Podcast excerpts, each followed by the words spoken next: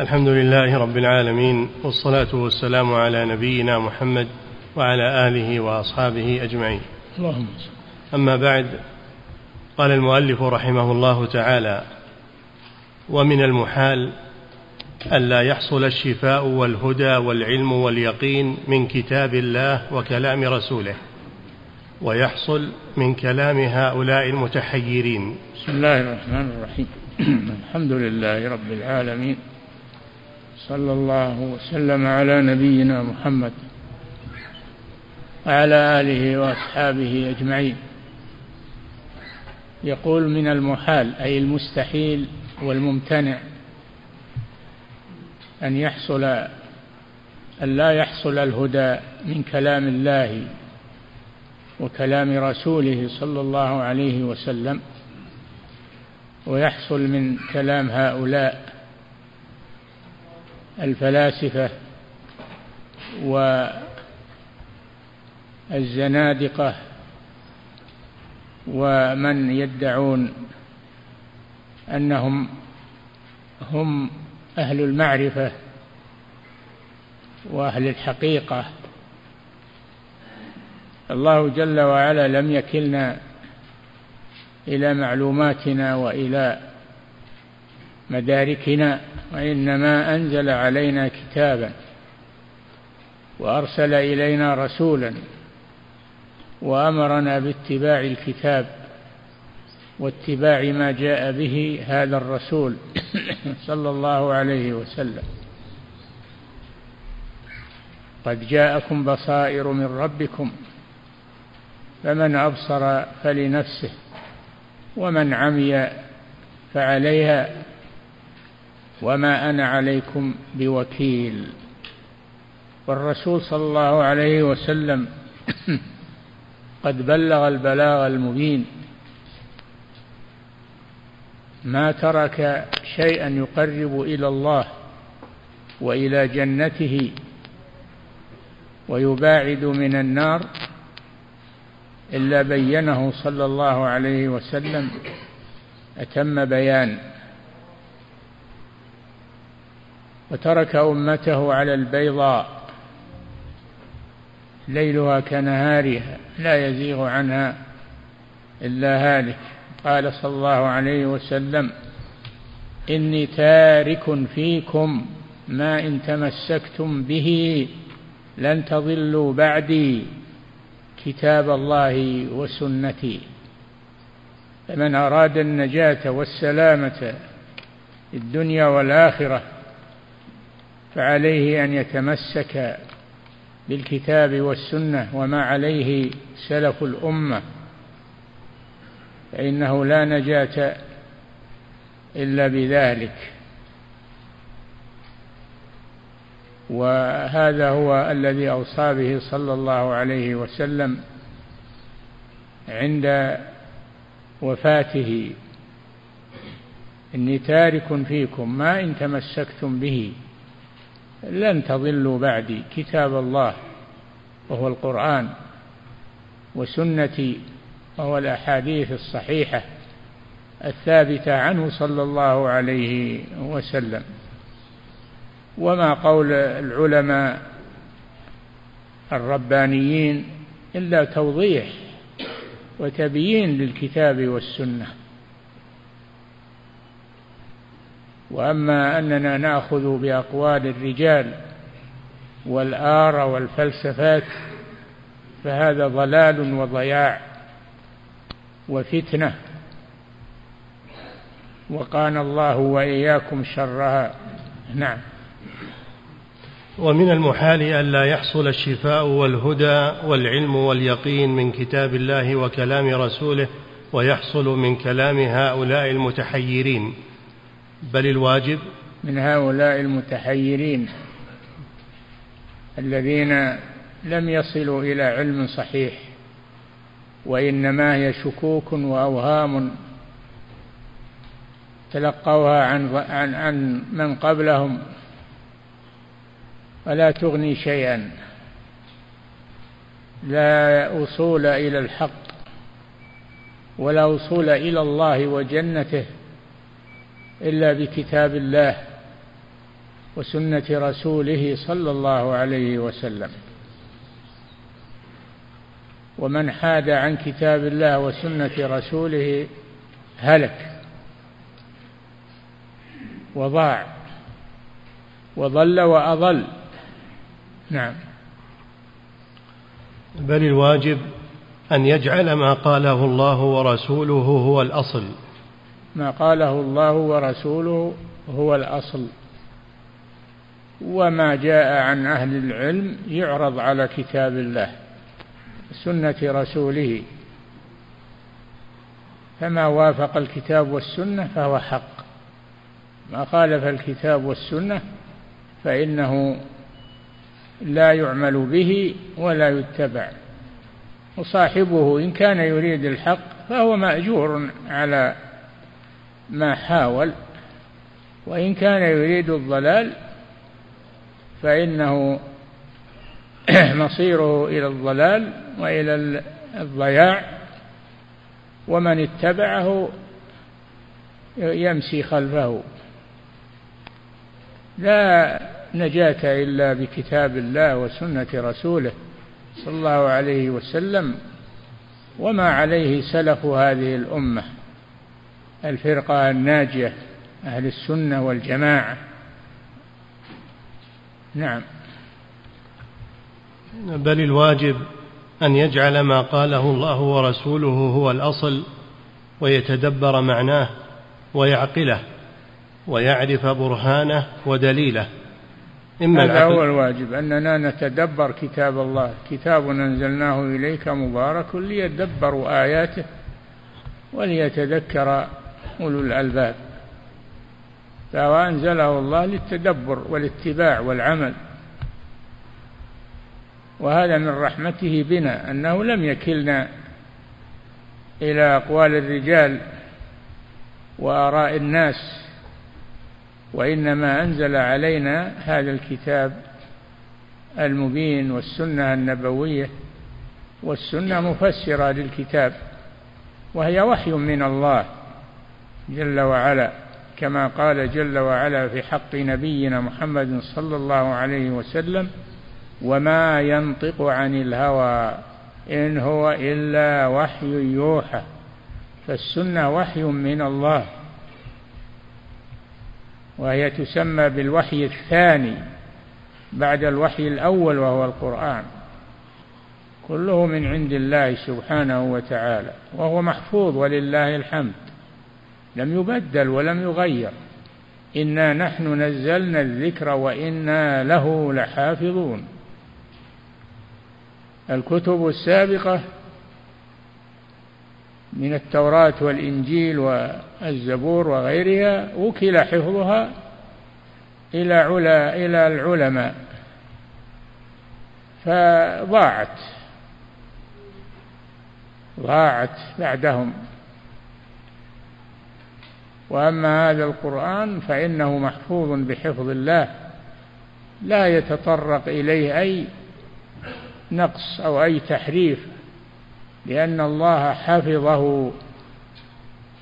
الكتب السابقة وكل حفظها إلى العلماء وضيعوها لما استحفظوا من كتاب الله وكانوا عليه شهداء استحفظوا عليه لكنهم ضيعوه. وأما هذا القرآن فلم يكل الله حفظه لأحد وإنما هو الذي تكفل بحفظه. فبقي كما أنزله الله على رسوله صلى الله عليه وسلم. رغم كثرة الأعداء وكثرة أهل الضلال فإن الله حفظ هذا القرآن. وقيض لسنة الرسول صلى الله عليه وسلم حفظة من أهل العلم حفظوها واهتموا بها ووصلت إلينا كما صدرت عن الرسول صلى الله عليه وسلم. محفوظة. بذلت فيها جهود وبذلت فيها بذلت فيها اجتهادات كثيرة لحفظها والذب عنها والرد على من خالفها حتى بقيت نقية صحيحة صافية. فلله الحمد والمنة. نعم. الواجب أن يجعل ما قاله الله ورسوله هو الأصل ويتدبر معناه ويعقله ويعرف برهانه ودليله إما العقلي وإما الخبري السمعي. نعم. ويعرف دلالة ما وافق الكتاب والسنة أخذنا به من أقوال العلماء وأقوال الرجال. وما خالف الكتاب والسنة فهو مردود على صاحبه. مهما ما كائنا من كان حتى ولو كان من أكابر أهل العلم. والإمام الشافعي رحمه الله يقول إذا صح الحديث فهو مذهبي. إذا صح الحديث فهو مذهبي. وغيره أيضا يقولون بهذا. لا يقولون للناس اتبعونا وخذوا أقوالنا. وإنما يقولون اتبعوا كتاب الله وسنة رسوله وسنة رسوله. وما كان من كلام العلماء فإنه يعرض على الأصلين الكتاب والسنة. هذا طريق النجاة وطريق السلامة وطريق أهل الحق. إلى أن تقوم الساعة. لا تزال طائفة من أمتي. قال صلى الله عليه وسلم لا تزال طائفة من أمتي على الحق ظاهرين. لا يضرهم من خذلهم ولا من خالفهم حتى يأتي أمر الله تبارك وتعالى. نعم. ما قاله الله ورسوله هو الأصل ويتدبر معناه ويعقله. ويعرف برهانه ودليله إما العقلي وإما الخبري السمعي ويعرف دلالته على هذا وهذا ويجعل أقوال الناس التي توافقه وتخالفه متشابهة مجملة فيقال لأصحابها هذه الألفاظ تحتمل كذا وكذا فإن أرادوا بها ما يوافق خبر الرسول قبل. وإن أرادوا بها ما يخالفه رد وهذا مثل الله الذي أنزل الكتاب بالحق والميزان. الميزان توزن به توزن به أقوال الرجال وأقوال الناس توزن بالكتاب والسنة. ميزان. ما وافقهما فهو حق وما خالفهما فهو مردود. نعم. فيقال لأصحابها هذه الألفاظ تحتمل كذا وكذا فإن أرادوا بها ما يوافق خبر الرسول قبل وإن أرادوا بها ما يخالفه رد وهذا مثل لفظ المركب والجسم والمتحيز والجوهر والجهة والحيز والعرض ونحو ذلك. هذه مصطلحات المتكلمين. ما كان له معنى صحيح؟ يوافق الكتاب والسنة نأخذ به. وما خالف الكتاب والسنة تركناه. وهي مثل هذه المصطلحات. وهي يقول وهذا مثل لفظ المركب. مثل لفظ المركب. من الصفة والموصوف وما أشبه ذلك. نعم. والجسم. والجسم يقولون الصفات والأسماء تقتضي التجسيم. ونحن لا نقول بالتجسيم فنقول التجسيم هذا من اصطلاحكم ومن ومن قولكم. فإن أراد فإن أريد بالتجسيم إثبات الأسماء والصفات لله فهذا ليس تجسيما وإنما هو حق. أمرنا الله باتباعه وأمرنا الرسول باتباعه. سموه تجسيما أو لا تسموه هذا هو الحق. نعم. مثل لفظ المركب والجسم والمتحيز والجوهر. المتحيز يعني المنحاز عن غيره وكهذه اصطلاحاتهم والعرض والجوهر كل هذه من اصطلاحات المتكلمين. لا لا نعبأ بها. لا نعبأ بها. عندنا كتاب الله وسنة رسوله صلى الله عليه وسلم. وما عليه سلف هذه الأمة. نعم. والمتحيز والجوهر والجهة والحيز والعرض ونحو ذلك فإن هذه الألفاظ لم تأت في الكتاب والسنة بالمعنى الذي يريده أهل هذا الاصطلاح بل ولا في اللغة بل هم يختصون بالتعبير بها عن معان لم يعبر غيرهم عنها بها فتفسر تلك المعاني بعبارات أخر وينظر ما دل عليه القرآن من الأدلة العقلية والسمعية وإذا وقع الاستفسار والتفصيل تبين الحق من الباطل. نعم عندنا الكتاب والسنة نعرض عليهما مقالات الناس فما وافقهما فهو حق وما خالفهما فهو باطل ومردود. نعم. وإذا وقع الاستفسار والتفصيل تبين الحق من الباطل مثال ذلك في التركيب فقد صار له معان. أحدها التركيب من متباينين فأكثر ويسمى تركيب ويسمى تركيب مزج كتركيب الحيوان من الطبائع الأربع والأعضاء ونحو ذلك. وهذا المعنى منفي عن الله سبحانه وتعالى ولا يلزم من وصف الله تعالى بالعلو ونحوه من صفات الكمال أن يكون مركبا بهذا المعنى المذكور. نعم. الثاني تركيب الجوار. كمصراعي الباب ونحو ذلك ولا يلزم أيضا من ثبوت صفاته تعالى إثبات هذا التركيب. يعني ما نخضع أسماء الله وصفاته الواردة في الكتاب والسنة ما نخضعهما لمصطلحات المتكلمين. ما نخضعهما إلى مصطلحاتهم بل نقبلهما ما أدركنا معناه الحمد لله وما لم ندرك معناه نكله إلى الله ورسوله. ونقول الله ورسوله أعلم. نعم. الثالث التركيب من الأجزاء المتماثلة وتسمى الجواهر المفردة. الرابع التركيب من الهيلوى والصورة. هيولى من الهيولى والصورة. نعم. كالخاتم مثلا هيولاه الفضة. وصورته معروفة.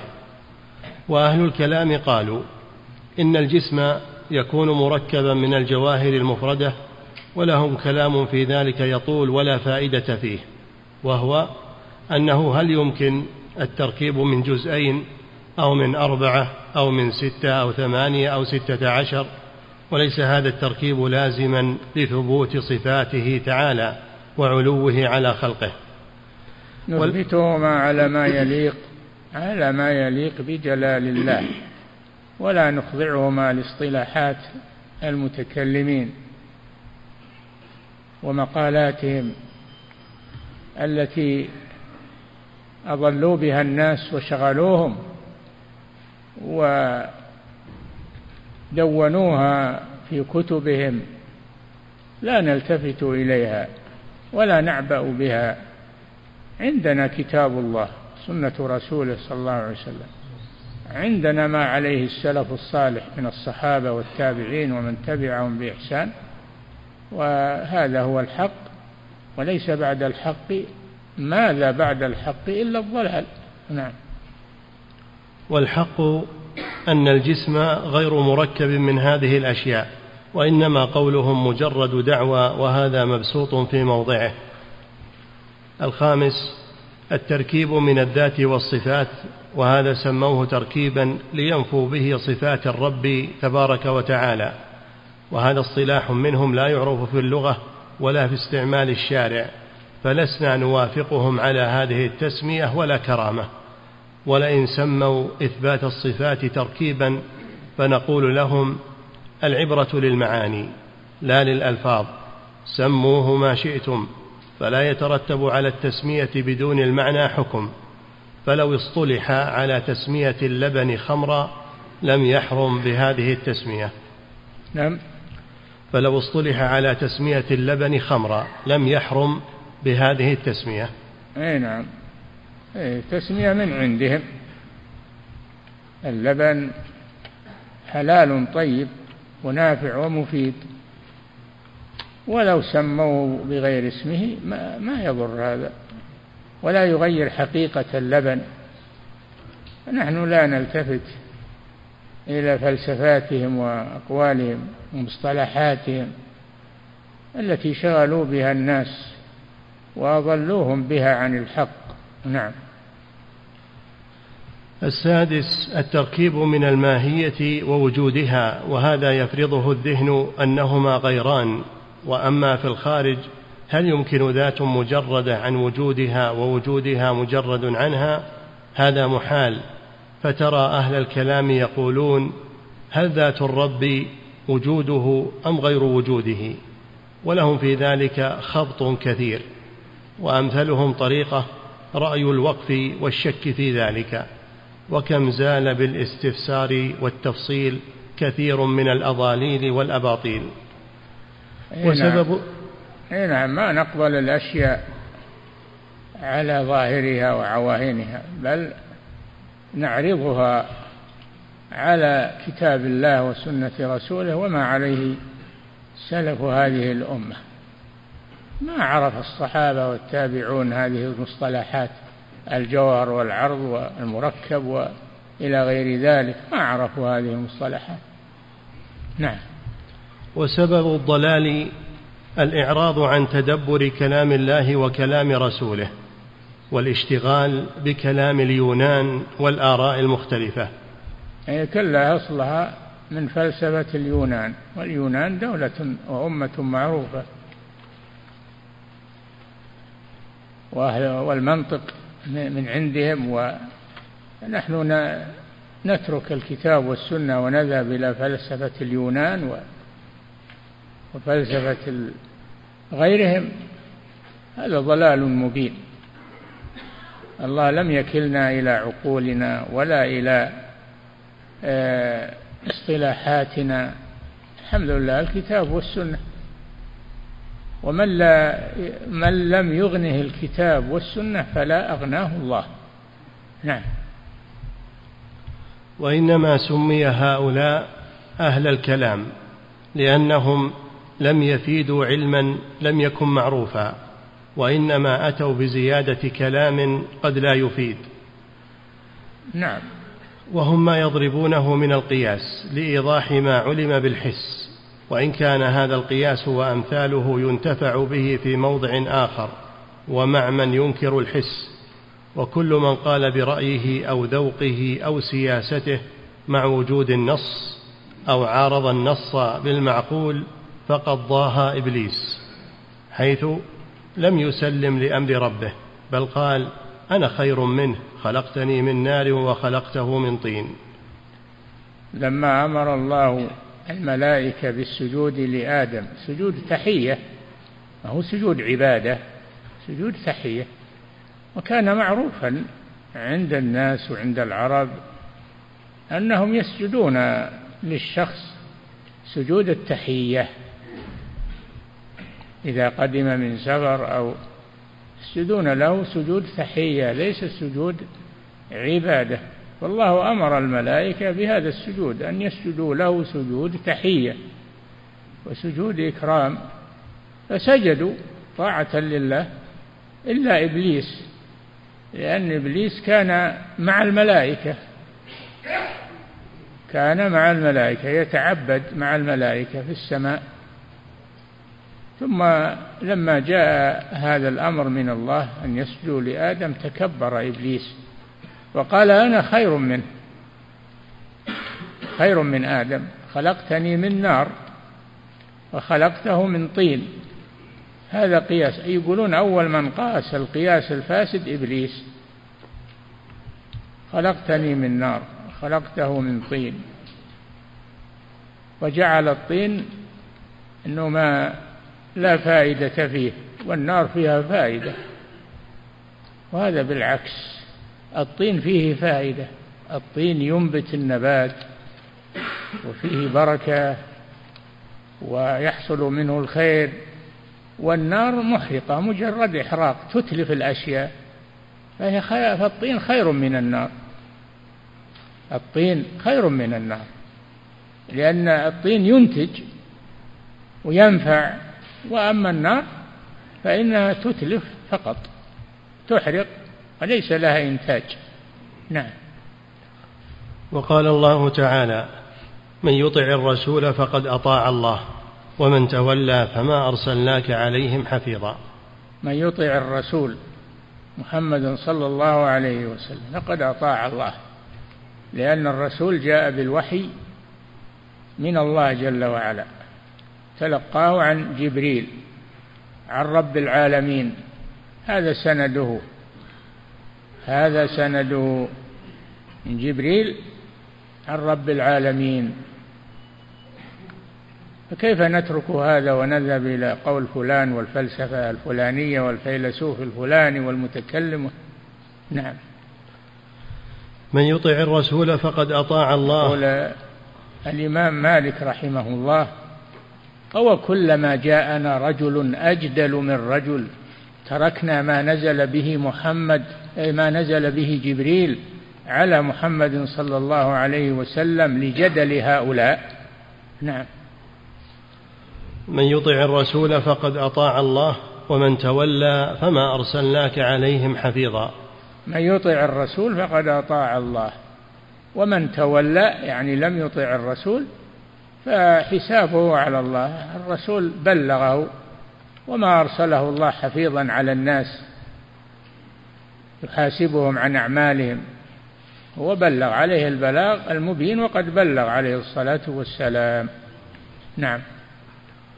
وقال الله تعالى قل إن كنتم تحبون الله فاتبعوني يحببكم الله ويغفر لكم ذنوبكم والله غفور رحيم. نعم هذه الآية هذه هي الفاصلة وهي قاصمة الظهور لهؤلاء. يزعمون أنهم يحبون الله. الصوفية يبنون دينهم على المحبة وأنهم يحبون الله ولا يتبعون الرسول صلى الله عليه وسلم. يقولون الرسول للعوام وأما نحن فقد وصلنا إلى الله عز وجل وعرفنا. يسمونه العارف بالله. عرفنا فلسنا بحاجة إلى الرسول. لأن الرسول للعوام اللي ما عندهم معرفة. كذا يقولون قبحهم الله. نعم. قل إن كنتم تحبون الله فاتبعوني يحببكم الله هذه آية الامتحان. من يحب الله فليتبع الرسول صلى الله عليه وسلم. ومن لم يتبع الرسول فإنه ضال. هذا هو المقياس. نعم.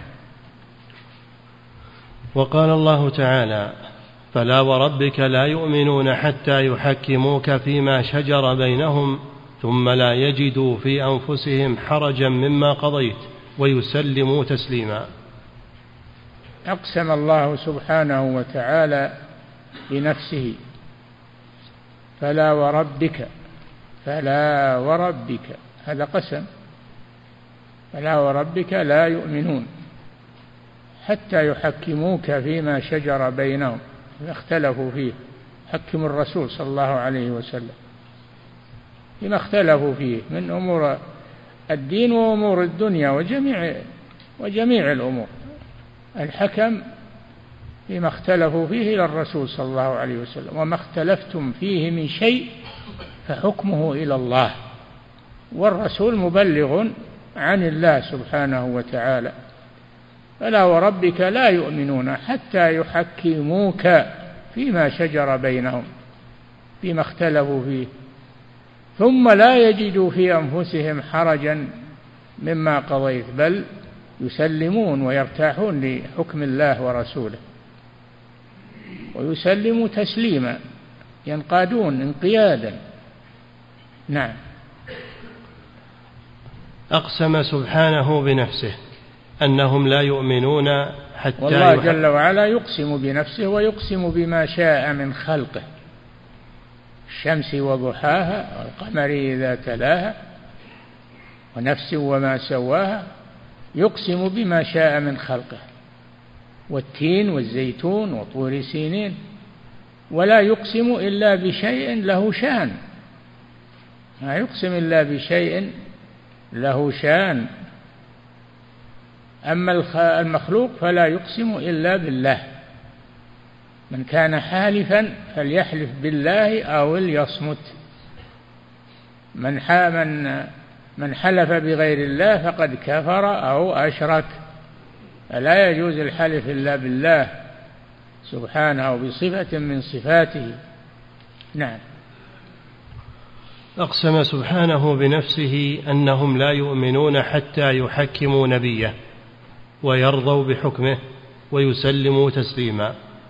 لا بد من هذه الأمور. أولا يحكمون الرسول صلى الله عليه وسلم ولا يحكمون غيره ثانيا يرضوا بحكم الرسول صلى الله عليه وسلم حتى يحكموك فيما شجر بينهم ثم لا يجدوا في أنفسهم حرجا مما قضيت بل تطمئن نفوسهم بذلك وتسلم لحكم الله عز وجل حتى يحكموك فيما شجر بينهم ثم لا يجدوا في أنفسهم حرجا مما قضيت. ثالثا يسلموا تسليما. نعم.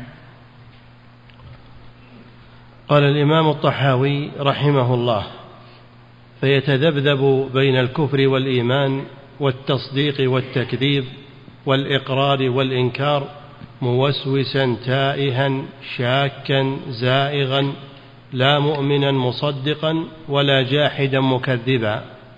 قال الشارح رحمه الله يتذبذب يضطرب ويتردد. وهذه الحالة التي وصفها الشيخ رحمه الله حال كل من عدل عن الكتاب والسنة إلى علم إلى علم الكلام المذموم. أو أراد أن يجمع بينه وبين الكتاب والسنة وعند التعارض يتأول النص ويرده إلى الرأي. إن أردنا إلا إحسانا إلى الناس وتوفيقا يعني توفيقا بين آه، الوحي وآراء الرجال. يوفقون بينه يعني يوفق بين كلام الله جل وعلا وكلام المخلوق. نعم. وعند التعارض يتأول النص ويرده إلى الرأي والآراء المختلفة فيؤول أمره إلى الحيرة والضلال والشك. كما نعم. قال كل من أعرض عن الكتاب والسنة فإنه يقع في الحيرة والضلال والشك ولا يصل إلى حقيقة. نعم. لأنه ترك الهدى الذي أنزله الله عز وجل تركه. فيصير إلى المتاهة. نعم. فيؤول أمره إلى الحيرة والضلال والشك كما قال ابن رشد الحفيد وهو من أعلم الناس بمذهب الفلاسفة ومقالاتهم في كتابه تهافت التهافت. نعم ابن رشد يطلق على الجد ابن رشد الجد ويطلق على ابن ابنه الحفيد. فهذا عنده شيء من الفلسفة وعند الحفيد عنده شيء من تخليط. أما الجد فهو إمام جليل. نعم. كما قال ابن رشد الحفيد وهو من أعلم الناس بمذهب الفلاسفة ومقالاتهم في كتابه تهافت التهافت ومن الذي قال في الإلهيات شيئا يعتد به وك نعم. وكذلك الآمدي أفضل أهل زمانه واقف في المسائل الكبار حائر وكذلك الغزالي رحمه الله انتهى آخر أمره إلى الوقف والحيرة في المسائل الكلامية. ثم أعرض عن تلك الطرق وأقبل على أحاديث الرسول صلى الله عليه وسلم. هذا هذا نهاية الغزالي رحمه الله. كان مع هؤلاء في شكوكهم وفي مصطلحاتهم. ثم إنه رجع وقال إن إنه لم يجد من ما تطمئن نفسه إليه إلا كتاب الله سنة رسوله صلى الله عليه وسلم. قال في هذا أبياتا لعمري لقد طفت المذاهب كلها وسيرت نفسي بين تلك العوالم فلم أرى إلا فلم أرى إلا واضعا كف نادم على ذقن أو قارعا سن نادم ووجدت أقرب الطرق إلى الله الكتاب والسنة. أقرأ في النفي ليس كمثله شيء وفي الإثبات وهو السميع العليم. نعم. وكذلك الغزالي رحمه الله انتهى آخر أمره إلى الوقف والحيرة في المسائل الكلامية ثم أعرض عن تلك الطرق وأقبل على أحاديث الرسول صلى الله عليه وسلم فمات والبخاري على صدره. نعم. وكذلك أبو عبد الله محمد بن محمد بن عمر الرازي. قال في كتابه الذي صنفه في أقسام اللذات نهاية إقدام العقول عقال وغاية سعي العالمين ضلال وأرواحنا في وحشة من جسومنا وحاصل دنيانا أذى ووبال ولم نستفد من بحثنا طول عمرنا سواء جمعنا فيه قيل وقالوا فكم قد رأينا من رجال ودولة فبادوا جميعا مسرعين وزالوا وكم من جبال قد علت شرفا شرفاتها وكم من جبال قد علت شرفاتها, شرفاتها رجال فزالوا والجبال جبال. نعم. لقد تأملت الطرق الكلامية. والم... يقول لقد تأملت الطرق الكلامية والمناهج الفلسفية فما رأيتها تشفي عليلا ولا تروي غليلا ورأيت أقرب الطرق طريقة القرآن. أقرأ في الإثبات الرحمن على العرش استوى إليه يصعد الكلم الطيب وأقرأ في النفي ليس كمثله شيء. ولا يحيطون به علما. ثم قال ومن جرب مثل تجربتي عرف مثل معرفتي. هذا كلام الرازي نعم. وكذلك قال الشيخ أبو عبد الله محمد بن عبد الكريم الشهرستاني صاحب الملل والنحل. الشهرستاني صاحب الملل والنحل. نعم. إنه لم يجد عند الفلاسفة والمتكلمين إلا الحيرة والندم حيث قال لعمري لقد طفت المعاهد كلها وسيرت طرفي بين تلك المعالم فلم أر إلا واضعا كف حائر على ذقن أو قارعا على ذقن. على ذقن أو قارعا سن نادم. نعم. وكذلك قال أبو المعالي الجويني رحمه الله يا أصحابنا لا تشتغلوا بالكلام. فلو عرفت أن الكلام يبلغ بي إلى ما بلغ ما اشتغلت به.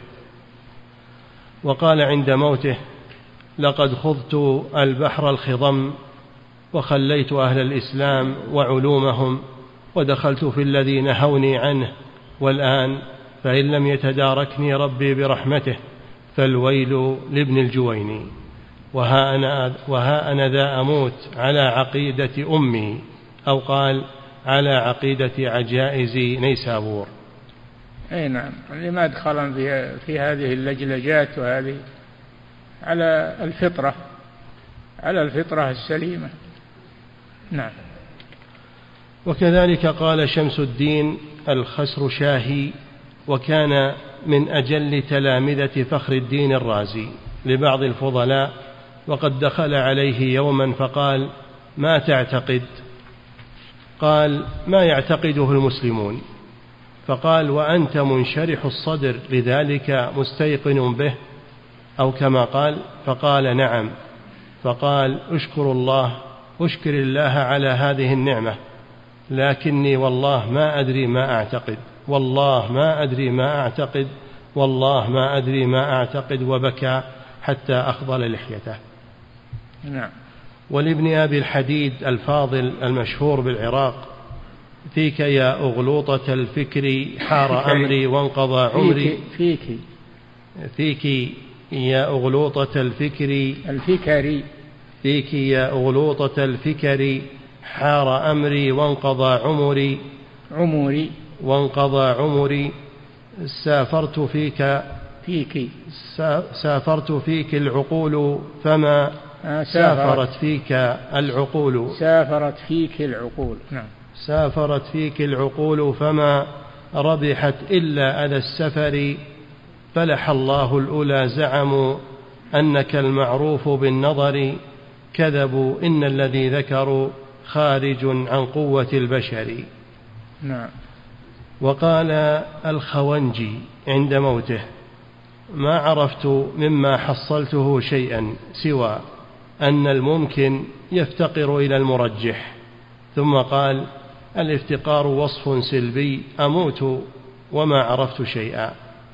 وقال آخر أضطجع على فراشي وأضع الملحفة على وجهي وأقابل بين حجج هؤلاء وهؤلاء حتى يطلع الفجر ولم يترجح عندي منها شيء. ومن يصل إلى مثل هذه الحال إن لم يتداركه الله برحمته وإلا تزندق. نعم. كما قال أبو يوسف. من أعرض عن الكتاب والسنة وقع في الزندقة. نعم. كما قال أبو يوسف رحمه الله من طلب الدين بالكلام تزندق. أبو يوسف تلميذ أبي حنيفة. نعم. كما قال أبو يوسف رحمه الله من طلب الدين بالكلام تزندق. ومن طلب المال بالكيمياء أفلس ومن طلب غريب الحديث كذب.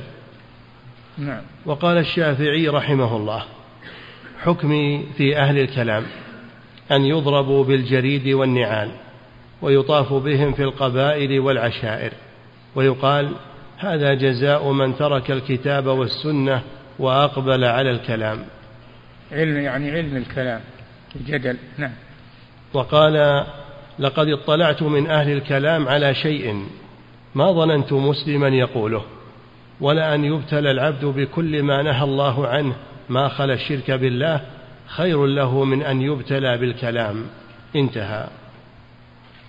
وتجد أحد هؤلاء عند الموت يرجع إلى مذهب العجائز فيقر بما أقروا به ويعرض عن العجائز على الفطرة يعني على الفطرة يرجع إلى الفطرة. نعم. وتجد أحد هؤلاء عند الموت يرجع إلى مذهب العجائز فيقر بما أقروا به ويعرض عن تلك الدقائق المخالفة لذلك التي كان يقطع بها ثم تبين له فسادها أو لم يتبين له صحتها. فيكونون في نهاياتهم إذا سلموا من العذاب بمنزلة أتباع أهل العلم من الصبيان والنساء والأعراب. والدواء نعم. والدواء النافع لمثل هذا المرض ما كان طبيب القلوب صلوات الله وسلامه عليه يقوله إذا قام من الليل يفتتح صلاته.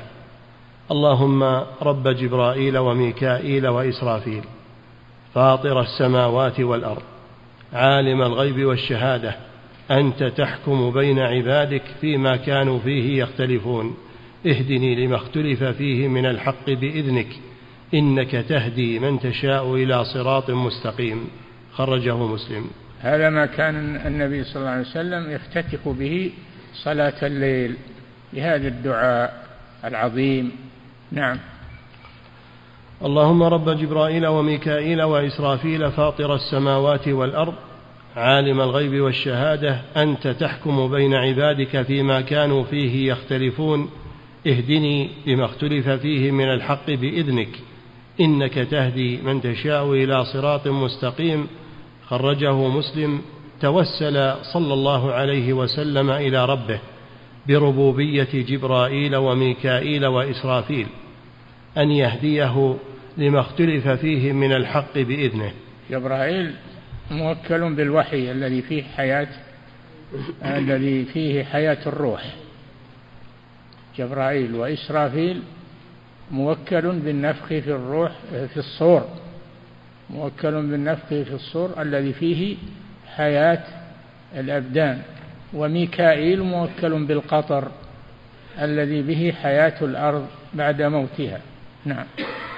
اللهم توسل صلى الله عليه وسلم إلى ربه بربوبية جبرائيل وميكائيل وإسرافيل. نعم. أن يهديه لما اختلف فيه من الحق بإذنه. إذ حياة القلب بالهداية. وقد وكل الله سبحانه هؤلاء الثلاثة بالحياة. فجبريل موكل بالوحي الذي هو سبب حياة القلوب. نعم. وميكائيل بالقطر الذي هو سبب حياة الأبدان وسائر الحيوان. وإسرافيل بالنفخ في الصور الذي هو سبب حياة العالم وعود الأرواح إلى أجسادها. فالتوسل إلى الله سبحانه بربوبية هذه الأرواح العظيمة الموكلة بالحياة له تأثير عظيم في حصول المطلوب. والله المستعان. نعم. قال الإمام الطحاوي رحمه الله ولا يصح الإيمان بالرؤية لأهل دار السلام لمن اعتبرها منهم بوهم أو تأولها بفهم إذ كان تأويل الرؤية وتأويل كل معنى يضاف إلى الربو إلى الربوبية ترك ترك التأويل ولزوم التسليم وعليه دين المسلمين. ومن لم يتوقع النفي والتشبيه زل ولم يصب التنزيه. قال الشارح رحمه يكفي. الله. يكفي. نعم.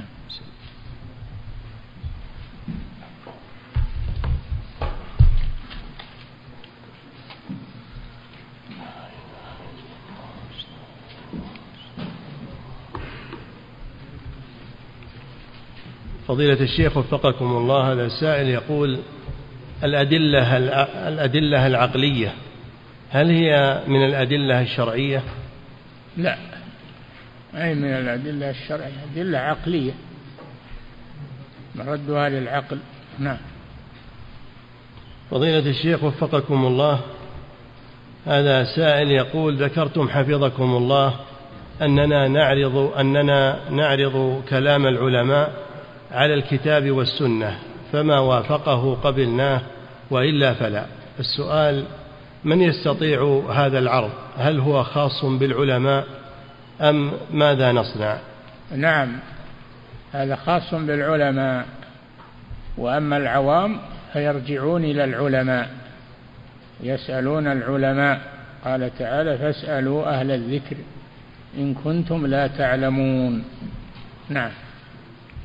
فضيلة الشيخ وفقكم الله ألفاظ المتكلمين كالجسم والجوهر والحيز وغيرها إذا أرادوا بها معنى صحيحا هل تنكر هذه الألفاظ التي لم ترد في كتاب الله؟ أي نعم تنكر هذه الألفاظ وما فيها من معنى صحيح فهو موجود في الكتاب والسنة لا حاجة إليها. نعم. فضيلة الشيخ وفقكم الله سجود التحية. هل يجوز أن يسجد الإنسان لأبيه أو لإخوته في هذا الزمن؟ نسخ هذا يا أخي نسخ. سجود التحية نسخ. فلا يسجد أحد لأحد؟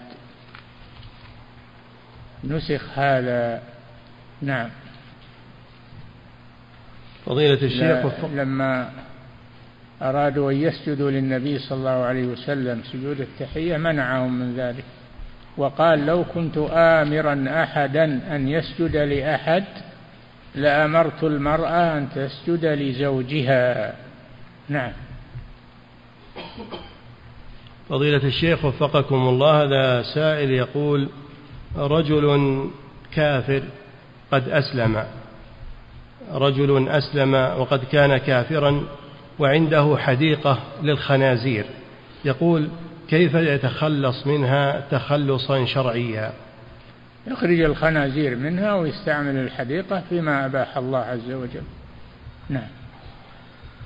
فضيلة الشيخ وفقكم الله هذا سائل يقول هل يصح أن أكذب على والدي لمصلحتهما فيما بعد؟ إذا كان هذا ما يضر وإنما ينفع فلا بأس بذلك. نعم. فضيلة الشيخ وفقكم الله هذا سائل يقول هذا يسمونه الكذب للمصلحة. مثل الزوج يكذب على زوجته لأجل صلاح العشرة. أنا أحبك أنا سآتي لك بكذا وكذا. يريد أن يصلح العشرة. وكذلك الحاكم مع رعيته لأجل إصلاح السياسة. نعم. فضيلة الشيخ وفقكم الله هذا سائل يقول ما حكم من يخوض في أعراض المسلمين اتباعا للظن وعدم جزم بالخطأ منهم؟ لا يجوز هذا. لا يجوز هذا. يحسن الظن بالمسلمين ولا يتمادى في تطلب عثراتهم. نعم. فضيلة الشيخ وفقكم الله هذا سائل يقول جدتي توفيت رحمها الله وأوقفت عقارا جعلت ريع هذا الوقف للدعوة إلى الله داخل داخل المملكة. سؤاله هل يجوز لي أن أصرف هذا الريع على طلبة العلم المحتاجين؟ أو تجعل في طباعة كتب شرعية. ما يغير ما يغير الوقف عن مصرفه الشرعي. قال تعالى فمن بدله بعدما سمعه فإنما إثمه على الذين يبدلونه. لا يجوز هذا ما دام انه متمشي مع الشرع ومع الكتاب والسنة لا يغير. ولهذا يقولون نص الواقف كنص الشارع بمعنى أنه يجب تنفيذه والعمل به ولا يغير ما دام أنه لا يخالف الكتاب والسنة. نعم.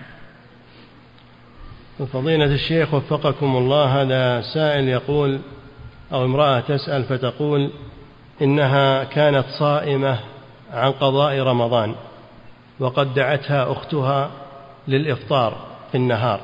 فأفطرت. هل فعلها هذا جائز؟ لا ما هو جائز. إذا دخل في الفرض من دخل في فرض موسع حرم قطعه.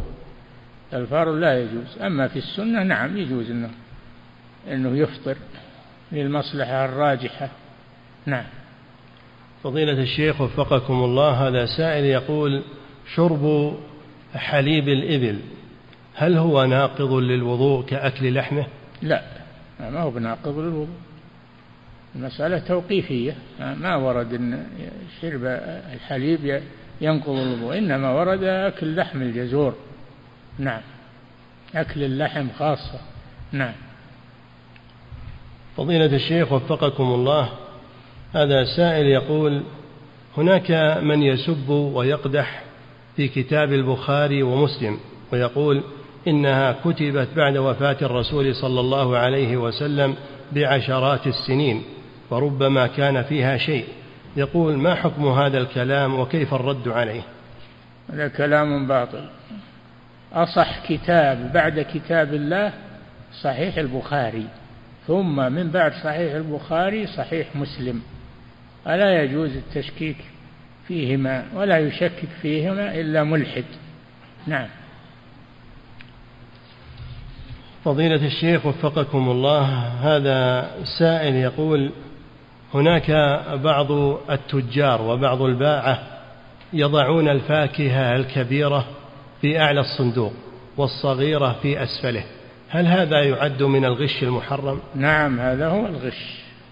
هذا هو الغش. مر النبي صلى الله عليه وسلم على بائع طعام. فأدخل صلى الله عليه وسلم يده في الطعام فوجد بللا في أسفله. فقال ما هذا يا صاحب الطعام؟ قال أصابته السماء يا رسول الله. يعني المطر. قال هلا جعلته ظاهرا حتى يراه الناس من غشنا فليس منا. نعم. فضيلة الشيخ وفقكم الله هذا سائل يقول رجل خاف على ولده من رفقة السوء من أصحاب المخدرات وأمثالهم فنصح ولده لكن لم يستمع له الولد فحبسه والده في البيت مرة من المرات ومنعه من الخروج فقتل الولد نفسه. سؤال الأب هل يلزمني شيء بسبب هذا الأمر؟ وهل علي إثم في ذلك؟ ليس عليه إثم ولا يلزمه شيء لأنه يريد الخير. لهذا الولد. يريد له الخير. نعم. فضيلة الشيخ وفقكم الله هذا السائل يقول هل صحيح أن النفاق على نوعين نفاق أكبر ونفاق أصغر؟ نعم. نفاق اعتقادي. نفاق اعتقادي. ونفاق عملي. النفاق الاعتقادي هذا كفر. كنفاق المنافقين الذين نزل القرآن بالتحذير منهم وذمهم هذا هذا اعتقادي كفر. ونفاق عملي هذا يعتبر من الكبائر لكنه ليس بمكفر. ومنه قوله صلى الله عليه وسلم آية المنافق ثلاث إذا حدث كذب آية المنافق يعني النفاق العملي. إذا حدث كذب وإذا وعد أخلف وإذا تمن خان. نعم. فضيلة الشيخ وفقكم الله هذا سائل يقول رجل يريد الإسلام فهل يجب عليه أن يوالي بين الشهادتين أم أنه يصح أن يقول شهادة أن لا إله إلا الله في يوم والأخرى في يوم آخر؟ تدخل شهادة أن محمد رسول الله تدخل في شهادة أن لا إله إلا الله. إذا شهد أن لا إله إلا الله فهذا يكفي. ولكن إذا أتى بشهادة الرسول صلى الله عليه وسلم فهذا أكمل وأتم. نعم. فضيلة الشيخ وفقكم الله هذا سائل يقول نصراني يعتقد بوحدانية الله ورسالة رسول الله محمد صلى الله عليه وسلم لكنه لم ينطق بالشهادتين. هل يعامل معاملة المسلم؟ وش اللي يدرينا عن اعتقاده؟ ما يعلمه إلا الله ولا يكفي الاعتقاد. لا بد من النطق. لا بد من النطق مع الاعتقاد. نعم. فضيلة الشيخ وفقكم الله هذا سائل يقول أقرضت رجلا مبلغا من المال ولم يستطع السداد في الموعد المحدد. هل يجوز لي أن أسقط عنه هذا الدين من زكاة مالي؟ لا. يعني يوم أيست من الحصول عليه تجعله زكاة؟ ما يجوز هذا. الله جل وعلا يقول وآتوا الزكاة ركن من أركان الإسلام. آتوها ادفعوها. نعم. فضيلة الشيخ وفقكم الله هذا سائل يقول ما حكم التوسل بالرسول صلى الله عليه وسلم عند طلب الحاجة من الله سبحانه؟ التوسل بذات الرسول لا يجوز أما التوسل باتباعه فهذا طيب هذا عمل صالح. نعم. ربنا آمنا بما أنزلت واتبعنا الرسول اكتبنا مع الشاهدين. نعم. فضيلة الشيخ وفقكم الله هذا سائل يقول ما حكم محبة المبتدع والتبسم في وجهه والسلام عليه؟ البدعة تختلف بدعة كفرية وبدعة دون ذلك.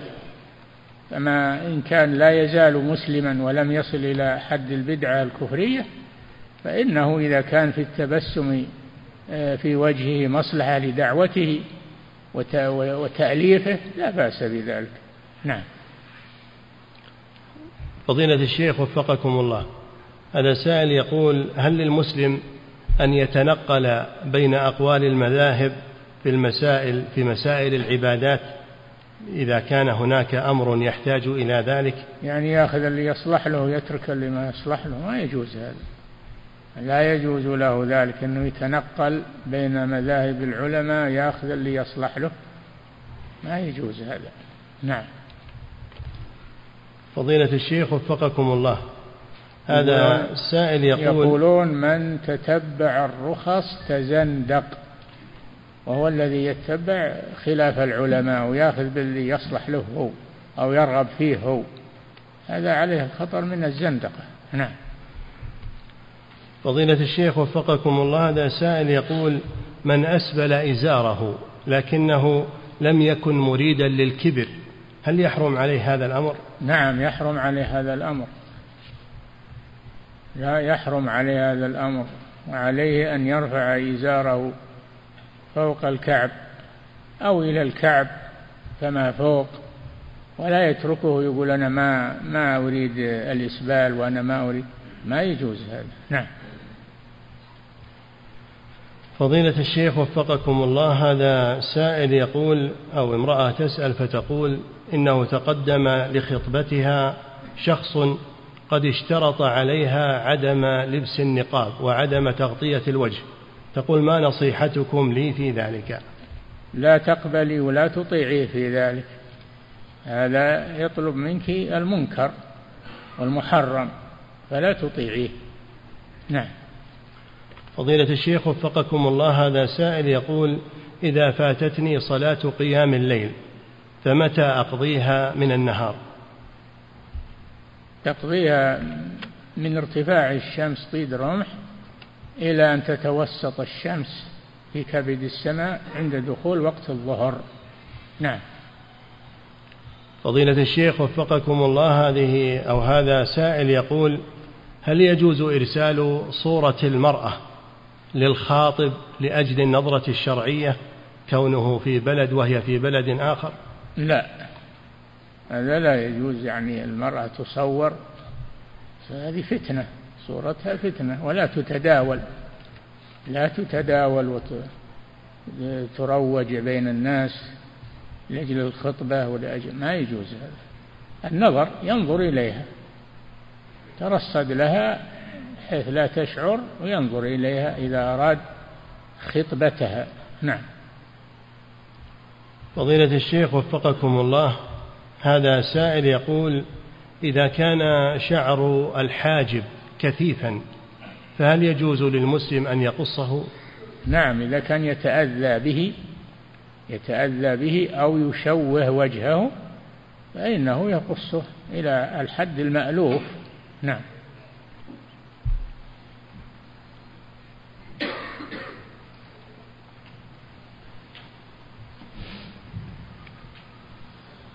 الله أكبر. الله أكبر.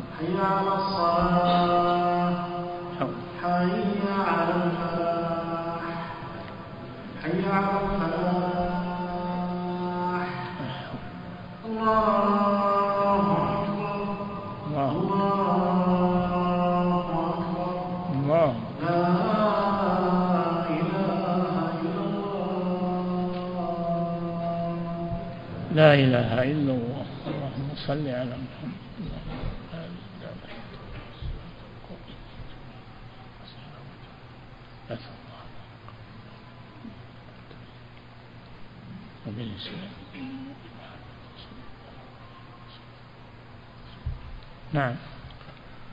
فضيلة الشيخ وفقكم الله هذا سائل يقول ما تفسير قول الله سبحانه وما يؤمن أكثرهم بالله إلا وهم مشركون؟ هل المؤمن لديه شركيات؟ هذه نزلت في في الكفار إنهم يؤمنون بتوحيد الربوبية وينكرون توحيد الألوهية وما يؤمن أكثرهم بالله إلا وهم مشركون يعني مشركون في الألوهية. نعم. فضيلة الشيخ وفقكم الله هذا كل, كل العالم وكل كلهم يقرون بالربوبية إنما الخلاف في توحيد الألوهية. نعم. فضيلة الشيخ وفقكم الله هذا سائل يقول ما حكم وضع صور على شكل مجسمات من الحيوانات وغيرها للزينة؟ داخل البيوت. لا يجوز هذا. لا تدخل الملائكة بيتا فيه كلب ولا صورة. والصورة المجسمة أشد من الصورة التي هي رسم بالقلم أو التقاط بالآلة الفوتوغرافية. المجسم أشد. نعم. فضيلة الشيخ وفقكم الله هذا سائل يقول والدي أمرني بالزواج من امرأة لا تصلي.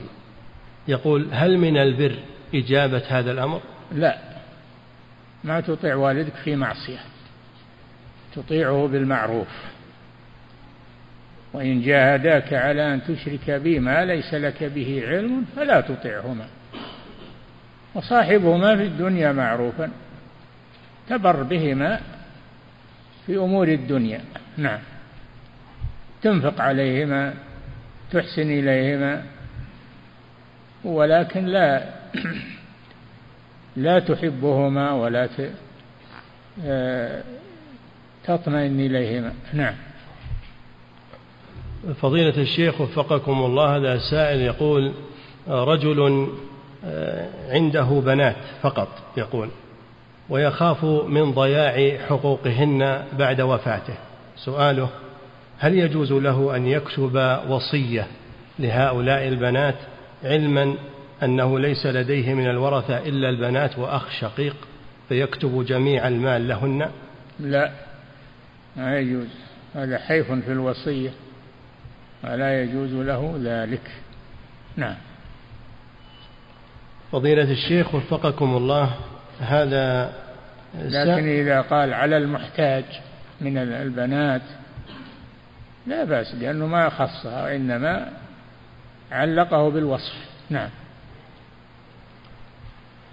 فضيلة الشيخ وفقكم الله هذا سائل يقول هل يباح اصطحاب الأبناء دون سن السادسة إلى المساجد؟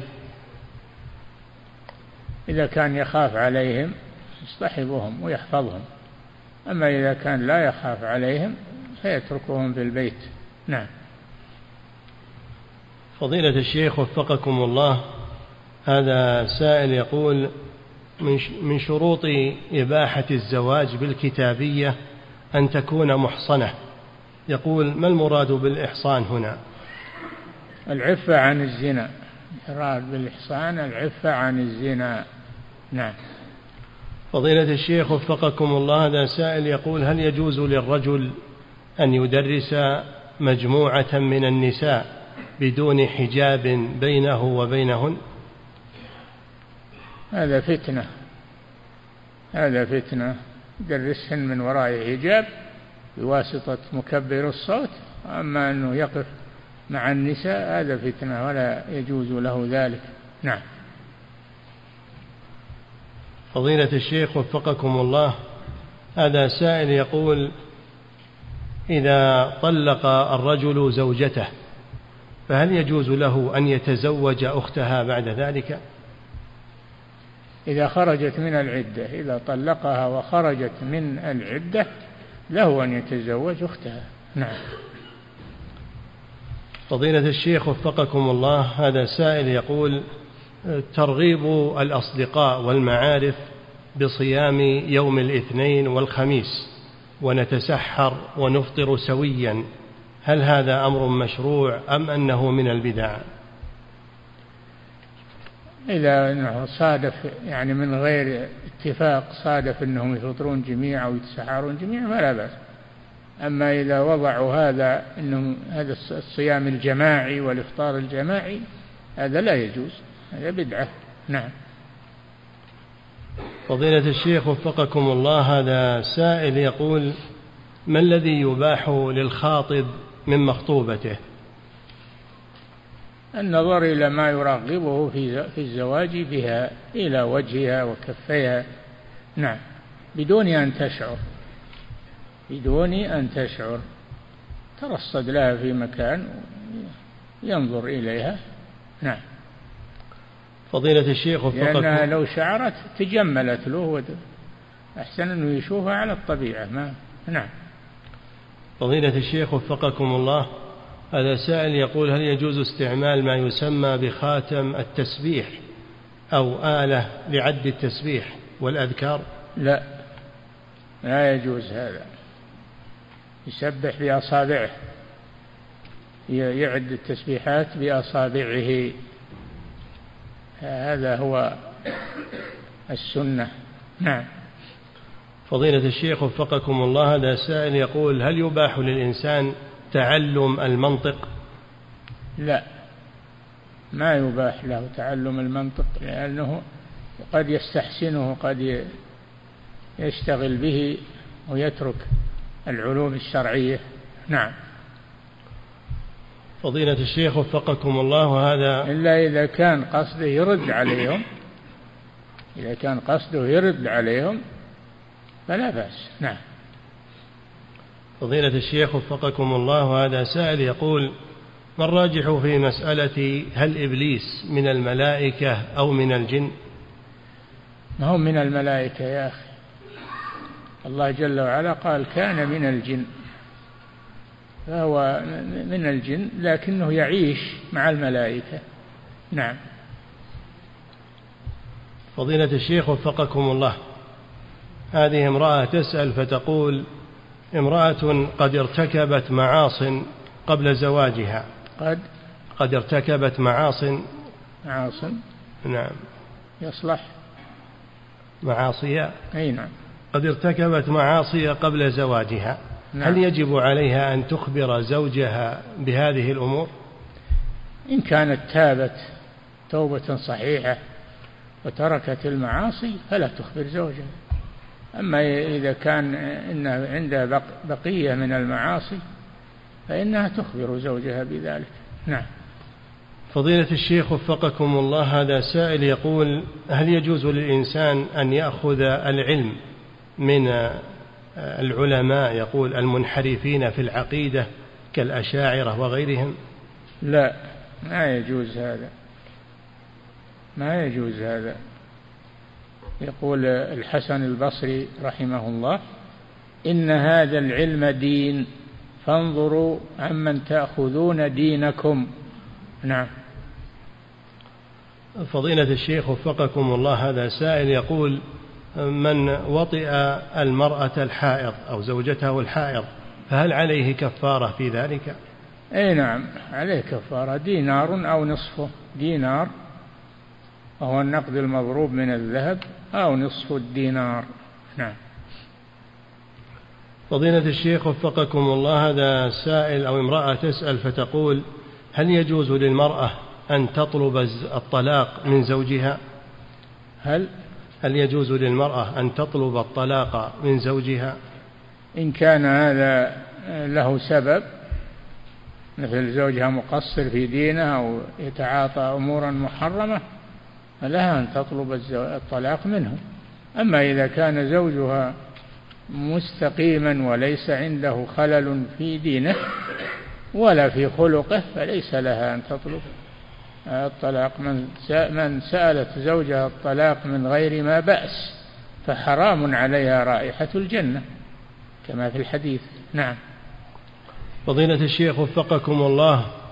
هذا سائل يقول أنا شاب على طريق الاستقامة وأحب الخير وأهله لكني قد ابتليت بمشاهدة الأفلام الخليعة.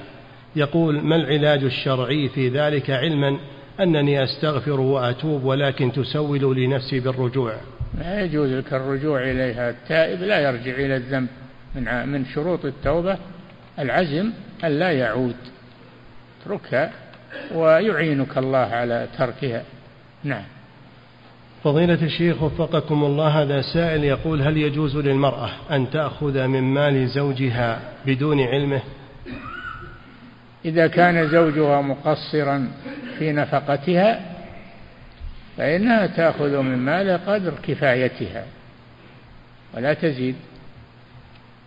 سألت آه، امرأة امرأة أبي سفيان سألت رسول الله صلى الله عليه وسلم فقالت إن أبا سفيان رجل شحيح ولا يعطيني ما يكفيني وولدي.